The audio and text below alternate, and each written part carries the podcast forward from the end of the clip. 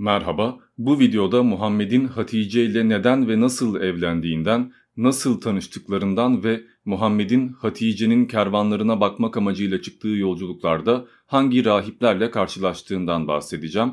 Yani aslında epey zorlu ve önemli bir video olacak. Bu yüzden de dikkatli bir şekilde izlemenizi tavsiye ediyorum. Geçen videoda Ficar Savaşı'ndan ve Hılfül Füdul'dan bahsetmiştik. O andan itibaren Muhammed gördüğümüz kadarıyla ticaret yapmaya devam etti, bir takım bağlantılar kurdu ve yıllar geçti ve bir gün Muhammed Ebu Talib'in Fatihe adındaki bir kızına talip oldu. Bu enteresan gelebilir çünkü Muhammed Ebu Talib'in adeta evlatlığıydı. Yani o kızlarla beraber büyümüş olması lazım. Nasıl oldu da yan gözle baktı diye merak edenler çıkar. Aslında yan gözle bakmak demeyelim zaten akraba evliliği yapmak Araplarda epey yaygın bir şey ve görüldüğü kadarıyla Fatihe de Muhammed'e karşı bir şeyler hissediyordu. Ama Ebu Talip maalesef Fatihe'yi Muhammed'e vermedi. Ya layık görmediğinden ya da Muhammed o esnada yeterince para kazanmadığından, yeterince kuvvetli olmadığından veya başka sebeplerden Ümmü Hani adıyla da bildiğimiz Fatihe'yi Mahzum kabilesinden Hubeyre adındaki bir adama vermeyi tercih etmiş. Ki bu gerçekten enteresan bir şey zira bütün kaynaklar Ebu Talip Muhammed'i çok severdi. Hatta kendi öz evlatlarından bile daha çok sever ve saygı duyardı gibi şeyler söylüyorlar. Zaten önceki videolarda anlattım ve Muhammed de hayatı boyunca onu gören herkes tarafından kutsanmış, bu büyük bir adam olacak denmiş bir adam. Yani Ebu Talip Muhammed'e vermeyecek de kime verecek? Ama görüldüğü kadarıyla sebep şu. Ebu Talip Muhammed ona sorduğunda neden bana vermedin de başka bir adama verdin dediğinde ya bu adamlar da zamanında bize kız vermişlerdi cevabını veriyor. Verilen kız da annesi zaten. Ama bu pek doğru bir yanıt değil aslında çünkü Ebu Talip zaten daha önce iki tane kızını aynı kabileye vermişti. Dolayısıyla ödeşmişlerdi. Bu kızlar Atike ve Berre adıyla bilinmekte ve Fatihe ile beraber Ebu Talip Mahsum kabilesine toplamda 3 tane kız vermiş oldu ve bu kabile de akrabaydı zaten. Hubeyre de bir akrabaydı. Dolayısıyla o akrabaya vereceğine Muhammed'e ver daha iyi. Ama öyle olmamış. Oryantalist kitaplara baktığımızda genelde Muhammed bu evreden sonra demek ki ben evlenmeye layık bir adam değilim Öyleyse para kazanayım, iyice büyüyeyim ve ne istiyorsam yapayım demeye başlamış. Ama ne kadar doğru bilmiyoruz. Bunlar bir yandan da niyet okumaya giriyor çünkü. Hem Muhammed zaten ticaretle uğraşmış bir adamdı. Dolayısıyla bu konuda net bir şey söyleyemeyeceğim. Ama tam da o esnada Hatice adında Mekke'de epey meşhur olan ve epey zengin olan bir kadın kendine bir tüccar aramaya başlıyor. Hatice daha önce iki defa evlenmiş olan fakat iki kocası da ölmüş bir kadındı ve hem kendisi zengindi hem de kocalarından kalan mallarla beraber epey büyük bir konuma erişmişti. Hatta Mekke'de eğer bin tane deve çıkıyorsa bir kervana veya ticarete bunlardan en az 500 tanesi Hatice'ye aitti. Dolayısıyla Hatice kendi başına kervanlarla yolculuk yapacak ve oradan oraya gidecek bir insan değildi o tüccarlar tutardı ve her tüccar ayrı bir kafileye veya ayrı bir kervana bakardı ve kardan pay alırdı. İşte Hatice tam da bu şekilde ona yardımcı olacak ve bir yerde ticaret ortağı olacak bir adam arıyordu. Ama güvenilir bir adama ihtiyacı vardı ve bu durumda Ebu Talip Muhammed'e git Hatice ile konuş o zaten adam arıyor e sen de herkesin bildiği bir adamsın iyi olur para kazanmış olursun diyor ama Muhammed bunu kendine pek de yediremiyor. Yani iş arama konusunda nedense bir çabası yokmuş. Ve Ebu Talip de çocuk işsiz kalmasın veya iş başkasına gitmesin diye gidip kendisi başvurmuş. Benim şöyle şöyle bir yeğenim var. Zaten o meşhur bir adamdır Muhammedül Emin. Onu yanında işe alırsan iyi olur demiş. Ki aslında bu kadar uzun bir konuşmaya da gerek yok. Zaten Hatice ile Muhammed akrabalar. Dolayısıyla Hatice Muhammed'in çocukluğundan itibaren nasıl bir adam olduğunu biliyor olmalı. Hatice de bu yüzden hem Muhammed'i bildiğinden hem de Ebu Talib'e saygı duyduğundan ve güvendiğinden başkalarına verdiğimin iki katını vereceğim diyor ve Muhammed'i işe alıyor. Müslümanlar işte Muhammed o kadar önemli bir adamdı ki başkalarının aldığı ücretin iki katını alıyordu diyorlar. Lakin bu iki katını veririm muhabbetiyle alakalı başka başka rivayetler de var. Mesela işte Ebu Talib'in Hatice'ye gittiğini ve duydum ki şu adamlara iki deve veriyormuşsun. E Muhammed bunlardan kat be kat daha kalifiye bir adam. Dört deveden aşağı razı gelmeyiz. Bu şekilde bir ticaret döndüğünü, pazarlık yapıldığını ve Hatice'nin de madem öyle sen iste 8 tane de veririm dediğini ve Muhammed'i işe aldığını söylerler. Öyle veya böyle Muhammed Hatice ile iş ortağı olmaya başlıyor ve onun gönderdiği bir kervanın başında yolculuğa çıkıyor. Bu kervan 3 ay sürecek bir kervandır ve Hatice Meysere adında bir köleyi Muhammed'i gözlemesi ve nasıl bir adam olduğunu anlaması yani onun hakkında bilgi toplaması ve döndüğünde Hatice'ye bunları anlatması maksadıyla gönderiyor.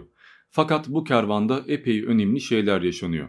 Mesela daha yolculuğa çıktıkları anda develer epey bir yorulmaya, arkada kalmaya ve ilerleyememeye başlıyorlar. Ama Muhammed onların topuklarını ovmaya ve masaj yapmaya başlıyor ve anında develer en önde gitmeye başlıyorlar. Yani adeta şaha kalkıyorlar. Bu daha önce Halime ile alakalı da anlatılmıştı. Muhammed süt anneye verilmişti ve süt annenin sahip olduğu develer en arkada giden en dandik develerdi ama Muhammed süt emmeye başladığında o develer en önde giden en kuvvetli develer haline gelmişlerdi. Yani aynı hikaye bir bakıma tekrarlanmış. Ve gördüğümüz kadarıyla bu kervanda Muhammed bütün malları satmış ve gerçekten de iyi bir fiyata satmış, epey kar elde etmiş ve dönerken de başka başka olaylar yaşanmış. Bunu hemen kaynağından okuyalım, komple kafadan anlatmayayım. Cevdet Paşa'nın yazdığı Siyer'de şöyle yazıyor. Peygamberimiz Şam kafilesiyle giderken Bahira'nın kilisesi önüne geldiler. Meysere ile birlikte bir ağaç altına kondular. Bahira bir süre önce vefat etmiş olduğundan yerine geçen Nestura adlı rahip yanlarına geldi. Meysere ile eskiden tanışıklığı olduğundan onunla görüştü ve Allah'ın birliğine, Hazreti Muhammed'in son peygamber olduğuna kesin inancını belirttikten sonra ''Ey Meysere, Hazreti İsa'nın haber verdiği son peygamber işte budur. Şam'a gitmeyin. Yahudi kahinleri onu görür görmez tanırlar ve ihanet teşebbüsünde bulunurlar.'' dedi. Bunun üzerine Meysere peygamberimizi Şam'a gitmekten vazgeçirdi. Şimdi burada Bahira ölmüştü bu yüzden de Nestura adlı bir rahip vardı diyor ama daha birçok kaynak o esnada Bahira'nın hayatta olduğundan ve hatta 15 yıl sonra Muhammed'e peygamberlik geldiğinde dahi Bahira'ya danışıldığından bahseder.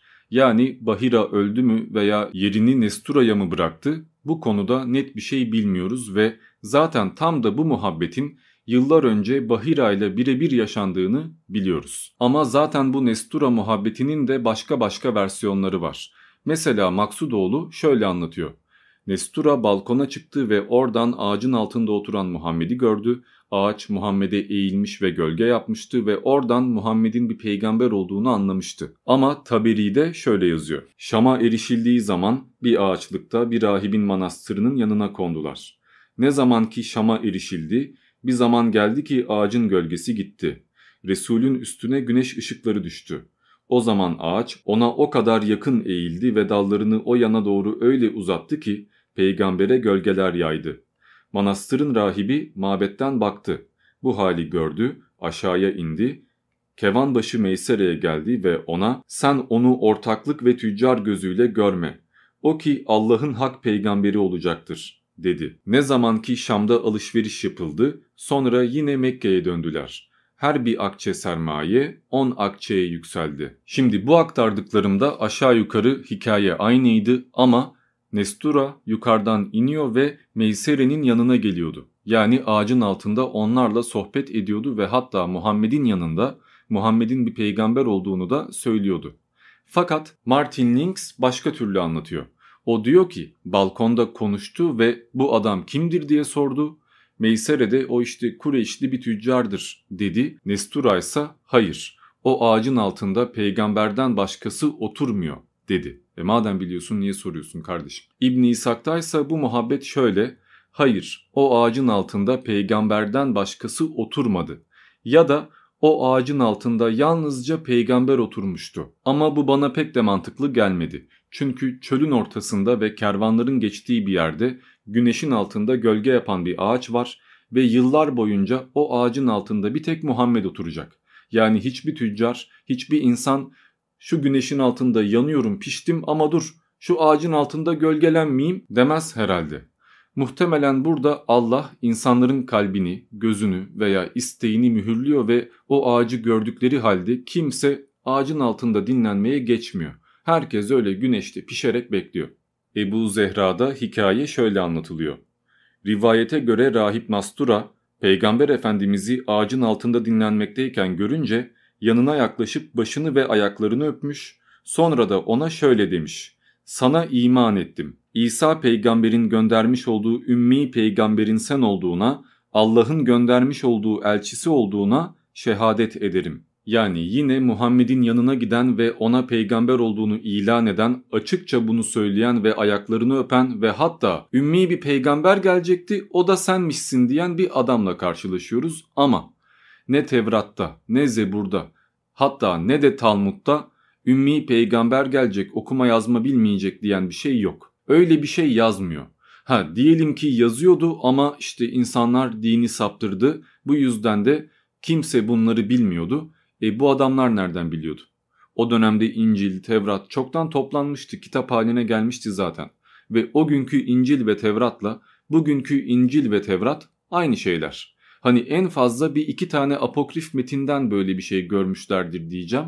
E bunun da hangi apokrif kaynakta yazdığı meçhul. Ve en önemli ayrıntı daha önce de ifade ettiğim gibi Muhammed'in peygamber olduğunu zaten birçok kişiden açık bir şekilde duymuş olması. E bir adam hayatı boyunca 40 defa peygamber olduğunu duyarsa zaten peygamber gibi davranmaya başlar. En olmadı bir merak eder, gider bu kaynaklara bakar, sorar, peygamberliğin ne olduğunu öğrenmeye kalkar ve önceki dinlerden de haberdar olmaya başlar. Bu durumda ileride Mekkeli müşrikler Muhammed'e karşı iyi de sen zaten bildiğimiz şeyleri anlatıyorsun. Yani bunlar eskilerin masalları dediklerinde pek de haksız olmazlar. İşte bu yüzden Müslüman kaynaklar şöyle anlatıyor. Muhammed çocukluğundan beri peygamber olacağını zaten biliyordu, öğrenmişti ama peygamberliğin ne olduğunu bilmiyordu. Yani peygamber kavramından, kutsal kitap kavramından haberdar değildi. Bu yüzden de kalbi kirlenmemişti. Yani kendi kendine gelin güvey olup da erken yaşta peygamberliğe soyunmamıştı. Anca Cebrail geldiği zaman peygamberliğin ne olduğunu anlayabilmişti. Ama bu da pek mantıklı gelmiyor. Çünkü Mekke zaten içinde bin tane put olan, bin tane inanç olan ve Hristiyanların, Yahudilerin veya Haniflerin dolaştığı bir şehir. E Muhammed illaki bir merak etmiş sormuş olmalı. Sormasa dahi biliyor olmalı çünkü Kabe dahi İbrahim peygamberle İsmail peygambere dayandırılmış. Yani peygamberlik muhabbetinden zaten haberinin olması lazım bu adamın ve ilk peygamber Muhammed de değil. Hem Muhammed'den önce hem de Muhammed hayattayken başka başka peygamberlik iddialarında bulunan adamlar var. Ama bunlar başka videoların konusu. Neyse devam edelim. Muhammed yanında Meysere ile beraber Mekke'ye dönmeye başlıyor fakat dönerken de yolda epey acayip şeyler yaşanıyor. Söylendiğine göre Muhammed'in başı üstünde iki tane melek veya iki tane kuş veya iki tane bulut sürekli ona gölge yapıyorlar. Ve bunu kervandaki diğer insanlar da görüyor. Meysere de görüyor ve korkuyor ama bir şey söylemiyor ve bunlar yani kafile Mekke'ye dönerken Hatice ve diğer kadınlar kervanın yolunu gözlüyorlar ve onlar da Muhammed'in başının üstünde iki tane melek görüyorlar. Yani bütün şehir Muhammed'i koruyan iki tane meleğe tanık oluyor ama bir tek Muhammed bundan haberdar değil. Ama dediğim gibi rivayetler çeşitli. Bir tane alıntı okuyalım. Salih Suruç şöyle yazmış. Kervan sıcak kumlar üzerinde Mekke'ye doğru yol alıyordu. Kızgın güneş ateşten oklarını yere saplamaktaydı. Fakat bu da ne? Meysere gözlerine inanamıyordu. Tekrar tekrar açıp kapatıyordu. Acaba yanlış mı görüyordu? Ama hayır. Gördüğü ne hayal ne de gözlerindeki bir yanılmanın eseriydi. Tamamıyla gerçekti. İki melek kavurucu sıcaktan rahatsız olmaması için bulut tarzında kainatın efendisi üzerinde gölgelik ediyorlardı. Şimdi bir dakika. İki tane melek vardı yazıyor ama bulut şeklinde gölgelik ediyorlardı diyor.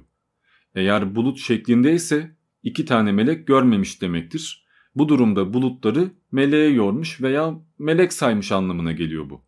E o zaman kendi kendinize alamet, keramet veya mucize uyduruyorsunuz demektir. Eğer melek görmediysen neden melek vardı diyorsun kardeşim? Yani bu yüzden işte bin tane aktarım var. ya kuş vardı ya bulut vardı ya bir tane ejderha geziyordu veya ne bileyim Süpermen gelmişti.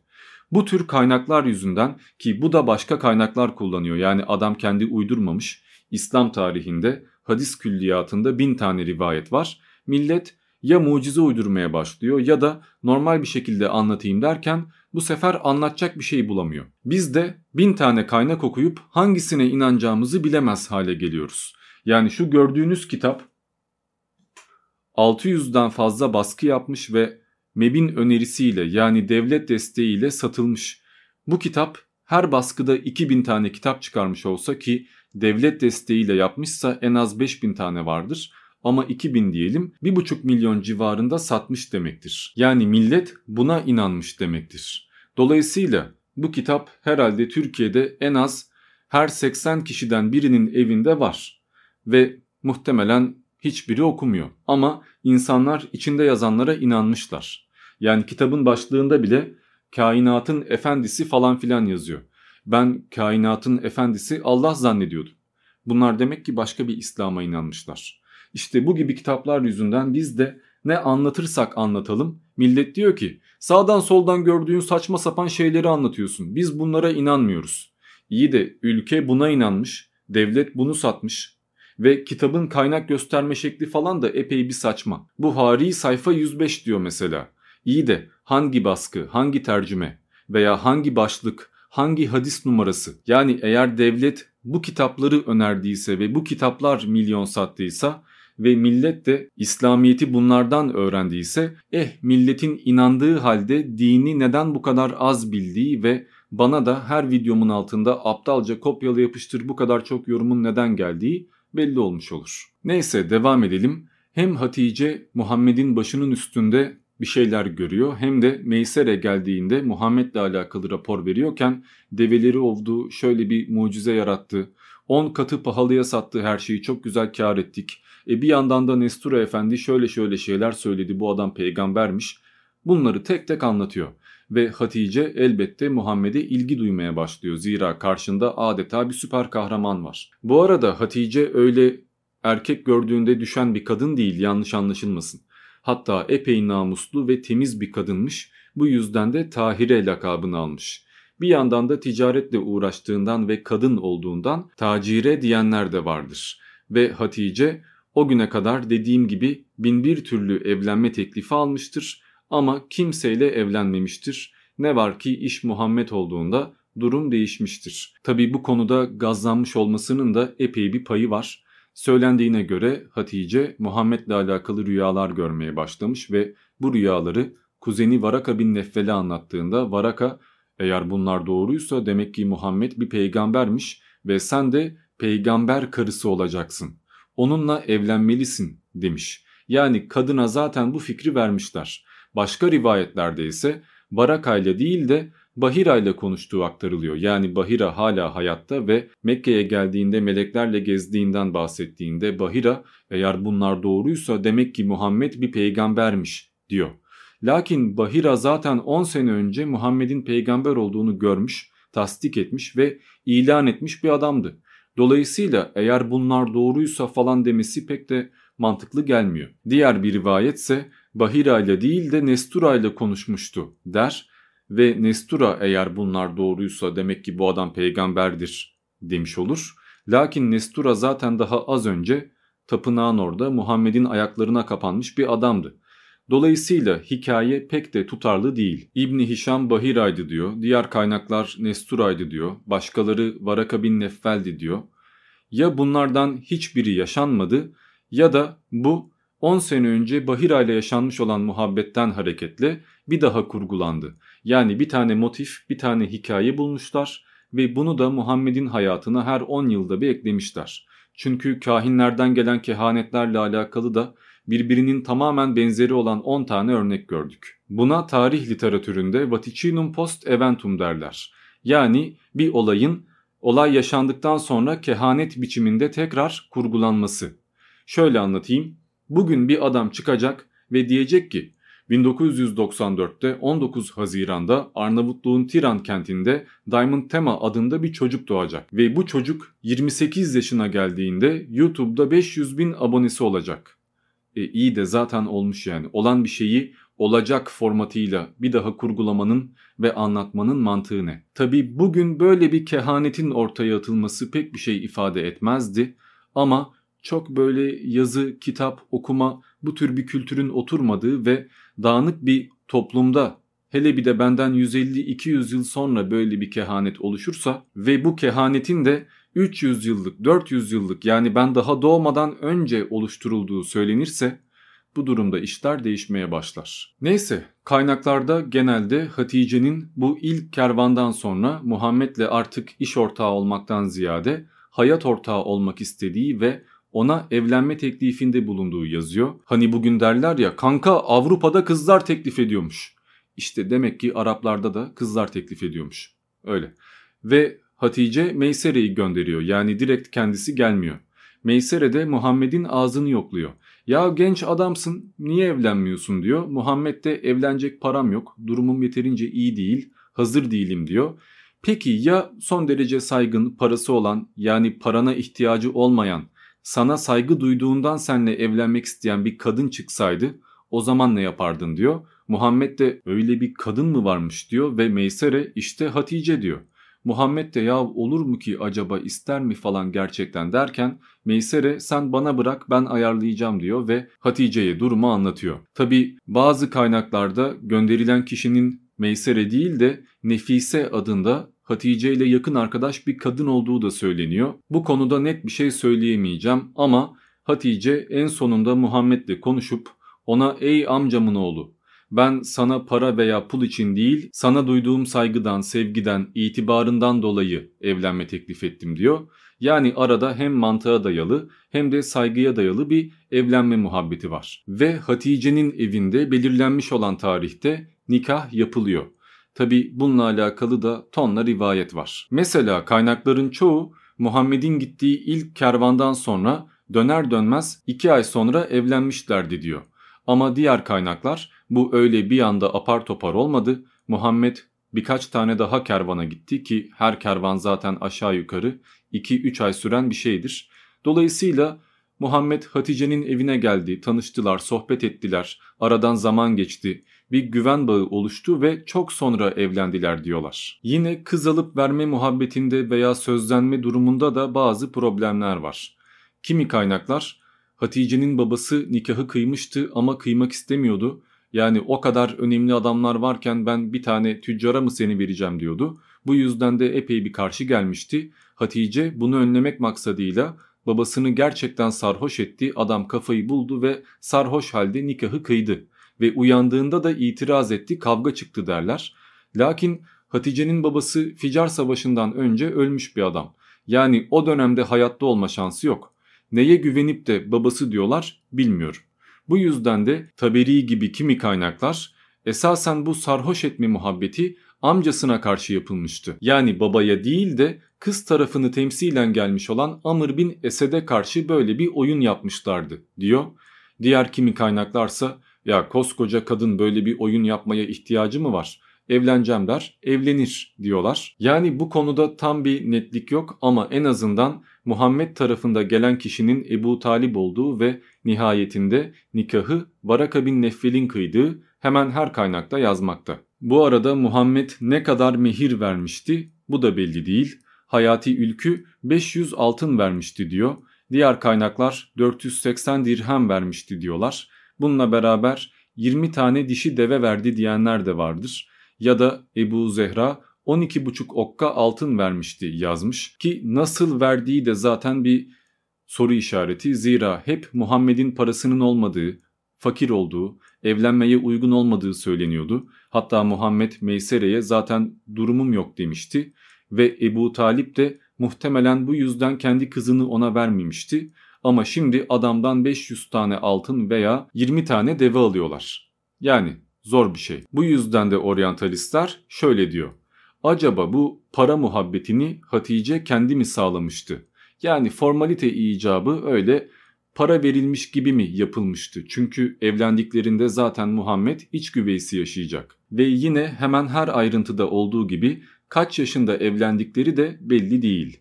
Yani ekseriyet Muhammed 25 yaşındaydı, Hatice de 40 yaşındaydı diyor ama İbni Cüreyç Muhammed'in evlendiğinde 37 yaşında olduğunu söylemiş. Yine Muhammed'in 21, 30 veya 40 yaşında olduğunu söyleyenler bile var. Ama eğer böyleyse Muhammed'e peygamberlik geldiğinde adamın o yıl evlenmiş olması lazım.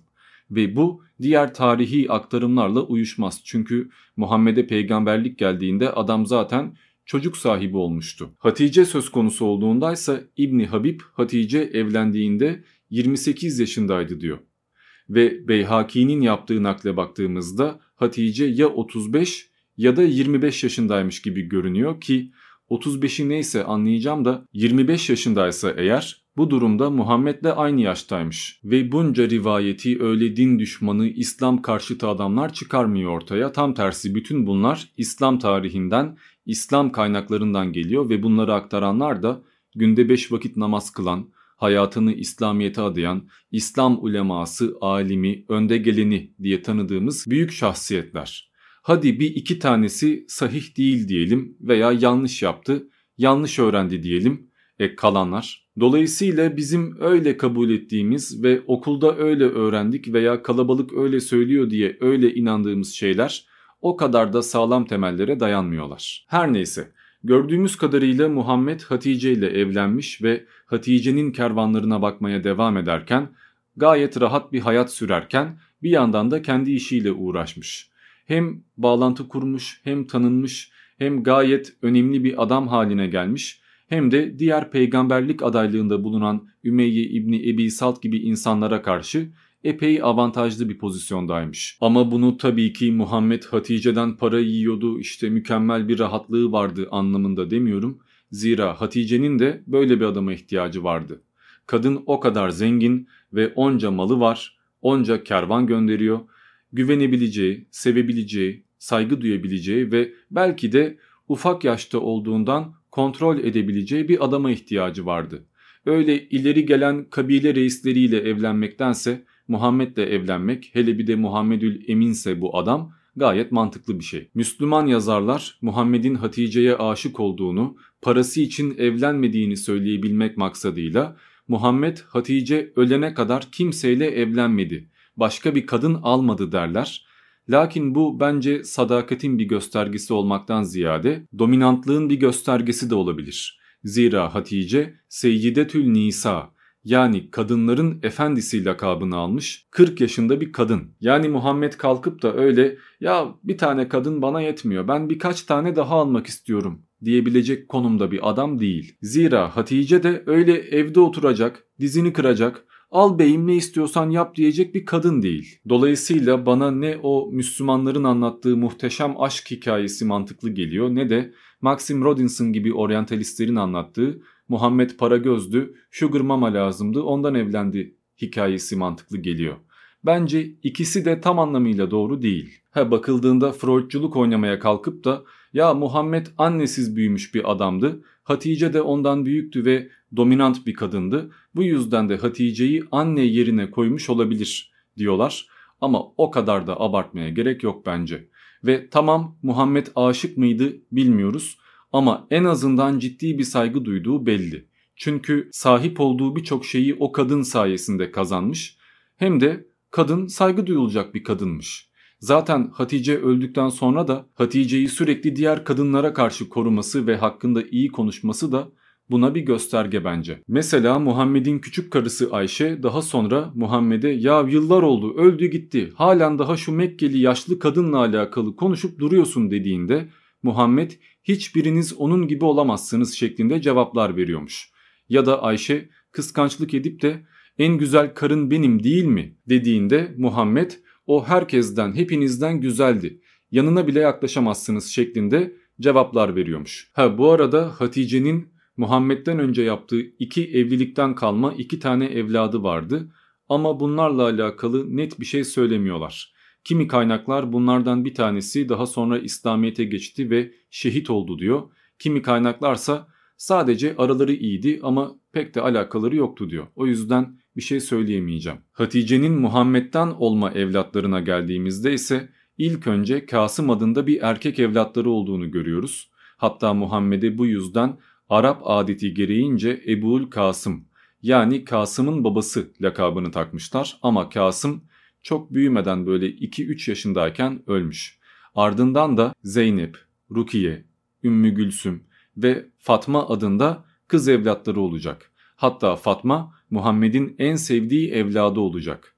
Ve daha sonra gördüğümüz kadarıyla bir de Mariye adında bir Kıpti cariyeden Mısırlı bir kadından Abdullah adında bir evladı olacak ama Abdullah da pek uzun süre yaşamayacak. Allah Allah Muhammed başka bir kadından da erkek evlat mı yapmış diye merak edenler vardır. Yani bu Mariye kimdir diye soranlar vardır. Bu konuda da elbette başka başka rivayetler var. Mesela söylendiğine göre hicretin 7. yılında Muhammed etrafa mektup göndermeye ve insanları İslamiyet'e davet etmeye başlıyor ve Şah Muvafkıs'a bir mektup gönderiyor. Şah Muvafkıs bu mektubu okuduğunda İslamiyet'ten epey bir etkileniyor ve elçiyi de bir hafta sarayında misafir ediyor. En sonunda elçiyi Muhammed'e gönderirken hem birkaç tane hazine hem de cariye babında Mariye ile kardeşi Sirin'i gönderiyor. Bu birinci iddiaydı. İkinci iddiaya göre ise Mariye Muhammed'in yaptığı savaşlarda ele geçirilen Muhammed'e cariye yapılan bir kadın. Hangisi doğru bilmiyoruz tabii ki ama zaten Mariye tek kadın da değil. Yani Muhammed 7, 8, 9 epey bir kadınla evlenecek. Tabi Müslümanlar bu evlenme muhabbetini işte hepsi duldu veya hepsi kocası ölmüş, boşta kalmış kadınlardı. Bu yüzden de Muhammed onları korumak maksadıyla evlenmişti diyorlar. Ama diğer kaynaklara baktığımızda pek de öyle bir hikaye yok. Yani Muhammed cinsel bir amaçla evlenmedi ve dokunmadı gayet yardım amaçlı evlendi hikayesi İslami kaynaklarda dahi pek de tutarlı görünmüyor. Zira bakıldığında bir gecede bütün kadınlarını tek tek dolaşacak kadar cinsi kuvveti vardı falan diyorlar. Ya da Muhammed'in kendi evlatlığının karısıyla dahi evlendiğini söyleyen hatta bunu Kur'an'dan ayetlerle destekleyen, kuvvetlendiren, haklı gösteren kaynaklar vardır. Öte yanda oryantalistler Muhammed'i seks düşkünü, azgın, doymayan bir adam gibi gösteriyorlar. Haliyle hangi kaynağa bakarsak bakalım iki türlü de Muhammed belki Hatice ile evli olduğu dönemde başkasıyla evlenmemiş olabilir ama Hatice'den sonra bu boşluğu telafi ettiği bellidir. Bu bağlamda oryantalistler o kadar da objektif değiller, kötü niyetle yazıyorlar diyenler çıkabilir ama dediğim gibi onların kullandığı kaynaklar da İslami kaynaklar. Yani İmam Suyuti'de bile Muhammed 30 erkek gücündeydi. Şöyle şöyle neyse anlatmayayım. Ben size gayet ehli sünnet, gayet mümin, gayet saygılı, hoşgörülü, entelektüel bir Müslüman profesör kardeşimizden bir alıntı yapayım. Yani böyle ehli sünnet hocalar gerçekten çok önemli. Allah uzun ömürler versin inşallah. Mehmet Maksudoğlu Muhammed'in hayatı kitap daha ilk sayfadan evrim teorisi ispatlanmamış bir iddiadır, yanlıştır gibi sözlerle başlıyor. Yani adam bir yandan bilime de hakim, öyle boş konuşmuyor. Bravo valla. Şöyle yazıyor. Hazreti Muhammed Hatice'nin sağlığında başka eş almadı. Diğer evlilikleri ise Hatice'nin vefatından ve yaşı 53'ü geçtikten sonra ileride anlatılacağı üzere içtimai ve siyasi sebeplerle olmuştur. Bu evliliklerin beyni batılla yıkanmış ön yargılı, ciddi görünüşlü soytarı oryantalistlerin göstermek istedikleri gibi kadın düşkünlüğüyle hiçbir alakası yoktur. Bakın bunu ben düzgün okudum. Kadın düşkünlüğü ile ilgisi hiçbir yoktur yazıyor. Yani yazarken de yanlış yazmışlar. Ve kitabın yaklaşık bir 10 milyon bölümünde işte soytarı, ucuz, aşağılık, yalancı, sahtekar bu gibi ifadeler var. Yani batılı kaynakların komple yanlış olduğu söyleniyor. E yani o kafada olabilir bir şey diyemiyorum ama bu kaynağın da komple doğru olmadığı belli. Hani bizim kaynaklar oryantalistler komple soytarıdır, İslamofobiktir derler ama bizimkiler de görüldüğü kadarıyla gayrimüslim fobik falanlar yani yabancılara veya Müslüman olmayanlara karşı hiç tahammülleri yok. Devam edersek Muhammed'in iki tane erkek evladının olduğu ama ikisinin de yaşamadığı söylendi. Bu niye böyle diye sorulduğunda şöyle bir yorum yapılmış. Eğer Muhammed'in bir oğlu olsaydı o öldüğünde hemen evladını ikinci peygamber yaparlardı veya halife yaparlardı. Soy ondan devam ederdi ve bu karışıklığa yol açardı. Bu yüzden de Allah hani öyle bir problem çıkmasın diye bu evlatların büyümesine izin vermedi diyorlar. Lakin madem öyle hiç doğmasalardı daha iyiydi. Adamın zaten dört tane kızı olmuş yani. Hani erkek evladı olmuyor demesinler diye örnek olması maksadıyla bir tane doğacaksa da bir tane doğması yeterliydi. İkincisi niye öldü? Ki bunlar haricinde daha sonra Tayyip ve Tahir adında başka erkek evlatlarının da olduğu söyleniyor ve bunlar da yaşayamadı diyorlar. Yani bir tane iki tane değil dört tane erkek evladı olmuş ve dördü de daha bebek yaşlarda ölmüşler. Tabi Tahir ile Tayyip'in esasen Abdullah'ın göbek adı olduğunu bu yüzden de dört tane erkek evlattan ziyade iki tane evladı olduğunu ama isim karışıklığı yaşandığını söyleyenler de vardır. Ama Ragıp Es-Sercani'ye, İbni Kesir'e veya İbni İshak'a baktığınızda hayır Tayyip ile Tahir kesin yaşamışlardı. Onlar öyle göbek adı falan değildi diyorlar. Yani yarı yarıya net bir şey söyleyemiyorum. Neyse bence yeterince konuştuk zaten. Epey çeşitli kaynaklardan epey farklı versiyonlarla hem Rahip Nestura'ya hem evlenme muhabbetine hem de bunun getirdiği şeylere baktık. Bir sonraki videoda muhtemelen Zeyd'in evlatlık alınmasıyla ve Muhammed 35 yaşlarındayken Kabe'nin yıkılması ve yeniden yapılmasıyla alakalı konuşacağız. Ondan sonra da Muhammed'e vahiy gelecek ve peygamberlik başlayacak. Ama şimdilik bu kadar. Ben Diamond. Diğer videolarda görüşmek üzere.